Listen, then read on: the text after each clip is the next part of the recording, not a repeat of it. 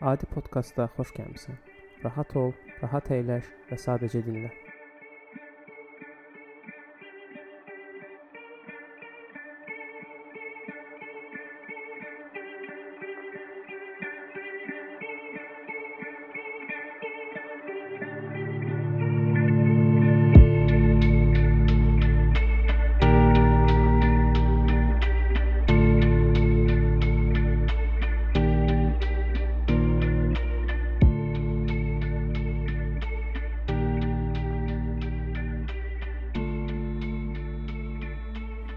Keçən seriyanı mən özüm də dinləmişəm və fərqindəyəm ki, arxadan tıxac səsi gəlir. Lakin təəssüflər olsun ki, Bakıda həmişə hər yerdə tıxac var və səs yazma elədiyim ofisdə məhz şəhərin mərkəzində yerləşən binalardan birindədir. Belə olduğu təqdirdə isə arxa fonda tıxac səsinin olmağı qaçılmaz olur. E, indi bu problemi aradan qaldıra bilmirəm. Bu da o ilə bağlıdır ki, səs yazma elədiyim proqramı da təzə-təzə öyrənməyə başlamışam hər növbəti seriyanın səs yazmasını elədikcə yeni nələrsə öyrənirəm. Lakin ümid eləyirəm ki, növbəti həftələrə doğru artıq tıxac məsələsini kökündən həll edə bilərəm. E, təbii ki, Bakıda yox, podkastımda. Əvvəla salam. Mənim adım Ataşdır. Əgər keçən seriyanı dinləmisinizsə, haqqımda artıq müəyyən qədər fikir sahibisiniz. Mən bu gün müəyyən qədər hazırlıqlı, müəyyən qədər hazırlıqsız bir mövzudan danışmaq istirdim konkret olaraq, lakin mən gördüm ki, danışa bilmirəm. Ona görə mövzunu dəyişmək qərarına gəldim. Mən artıq danışmaqdan danışmaq istəyirəm. İndi səs yazmasını eləməli olduğum əslində mövzunu isə artıq növbəti həftə yayımlamağı düşünürəm. Əgər e, yenə indiki kimi tərslik olmasa 200 206-cı səs yazmadır ki, eləyirəm və hələ də hər biri e, uğursuz alınıb. E, səs yazma eləyə bilməmə problemim hələ də var. Bu məsələ hələ də öz aktuallığını qoruyub saxlayır.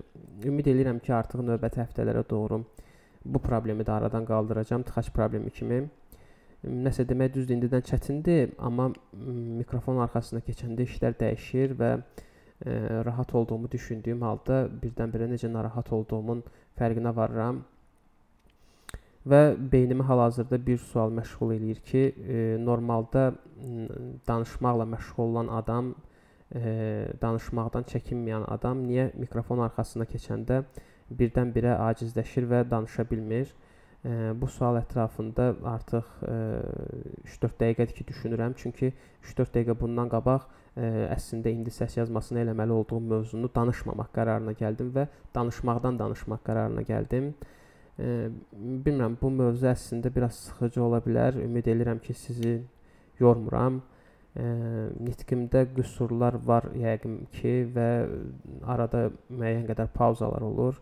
Mən səsi kəsmirəm və heç nə, heç bir hər hansısa düzəlişdən söhbət gedə bilməz. Necə ki, mətn və hər hansısa köməkçi digər vasitələr yoxdur. Həmçinin səs yazmalar da bütöv və e, kəsintisiz olaraq yayımlanır. Ümid eləyirəm ki, səsimdə olan boşluqlar, nöqsanlar, qüsurlar, sürüşmələr və yaxud da ağla gələ biləcək bütün nitq qüsurlarına görə mənə bağışlayarsınız. E, biz niyə danışa bilmirik? Niyə fikirlərimizi hər hansısa bir mövzu ətrafında cəmləməkdən və yaxud da kiminləsə artıq, yəni əslində məncə fikirləri cəmləmək deyil məsələn. Məncə fikirləri cəmləyəndən sonra artıq fikirləri kimlərləsə bölüşməkdən gedir söhbət. Niyə bunu biz bacara bilmirik? Daha doğrusu niyə mən bunu bacara bilmirəm? Amma mən əminəm ki, mənim taleyimi yaşayan ə, çox sayda insan var və bu sual yəqin ki, onların hər birini maraqlandırır. Mən əslində çox danışmaq istirdim, ə, hansı ki, səs yazma eləməli olduğum mövzu haqqında və mən düşünürdüm ki, həmin mövzu adi podkastın ən birinci və başlıca mövzusu olmalıdır. Lakin görünən odur ki, mən ə, hələ o mövzuya hazır de hazır deyiləm demək istəməzdim. Əslində hazıram o mövzu. Of, bəlkə də hazır deyiləm, bilmirəm. Sadəcə olaraq ə, mən tam təyin edə bilmirəm ki, danışmaq çətindir, yoxsa ə, konkret olaraq nələrisə demək çətindir bilirsiniz də biz hər birimiz e, hamamda, çiməndə və yaxud da gecə yuxunun ən şirin anında e, 10 il əvvəl, 20 il əvvəl və yaxud da eramızdan əvvəl hansısa və yaxud da kimləsə elədiyimiz mübahisə yadımıza düşür və orada əslində demədiyimiz e, sözlərin xəyalını qururuq ki, biz o sözləri deyirik və mübahisədən qalib ayrılırıq. Və orada əslində niyə o sözləri deyə bilmirik? Bu biraz biraz yox böyük ölçüdə cəsarətsizliklə bağlıdır.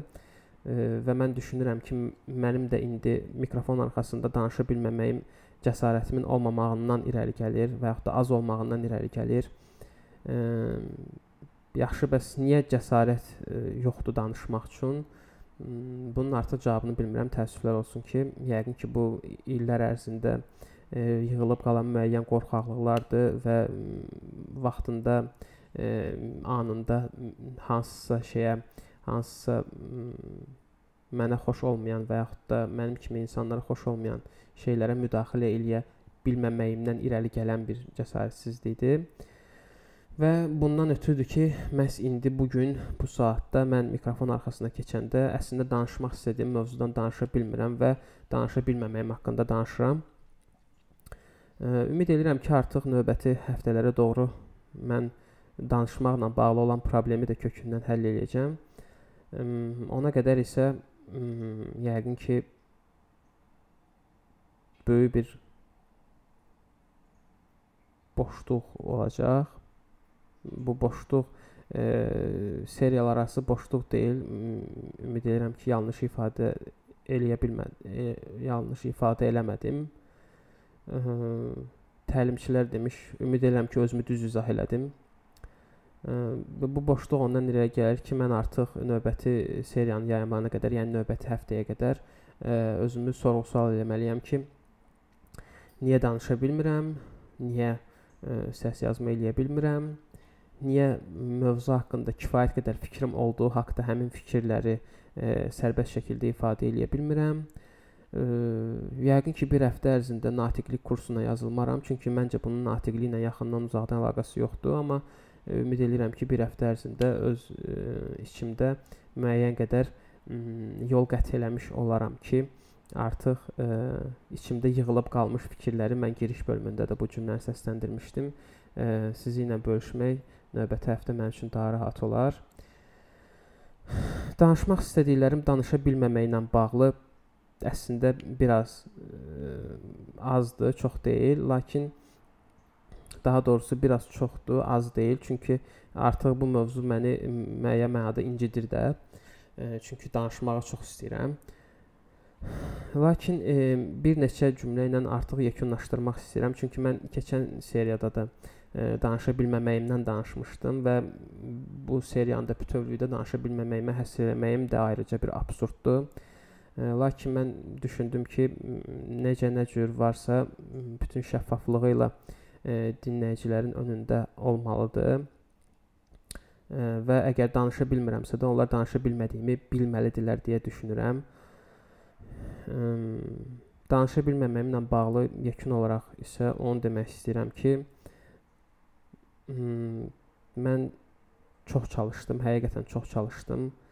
Bilmirəm əvvəldə dedim yoxsa yox, artıq əvvəldə danışdığım cümlələr də yadımdan çıxıb 204, 206 filan belə ə, səs yazma eləyəndən sonra başa düşdüm ki, danışa bilmirəm. Hmm, sadəcə olaraq təəssüflər. Hmm, evə gedib biraz istirahət eləyim və növbəti həftəyə, növbəti mövzuya danışmaq üçün, növbəti mövzunu danışmaq üçün yaxşı-yaxşı hazırlaşın. Siz ona qədər sağ olun. Mən Ataşın təqdimatında siz adi podkastı dinləyə bilərdiniz, amma təəssüflər olsun ki, dinləyə bilmədiniz. Hələlik.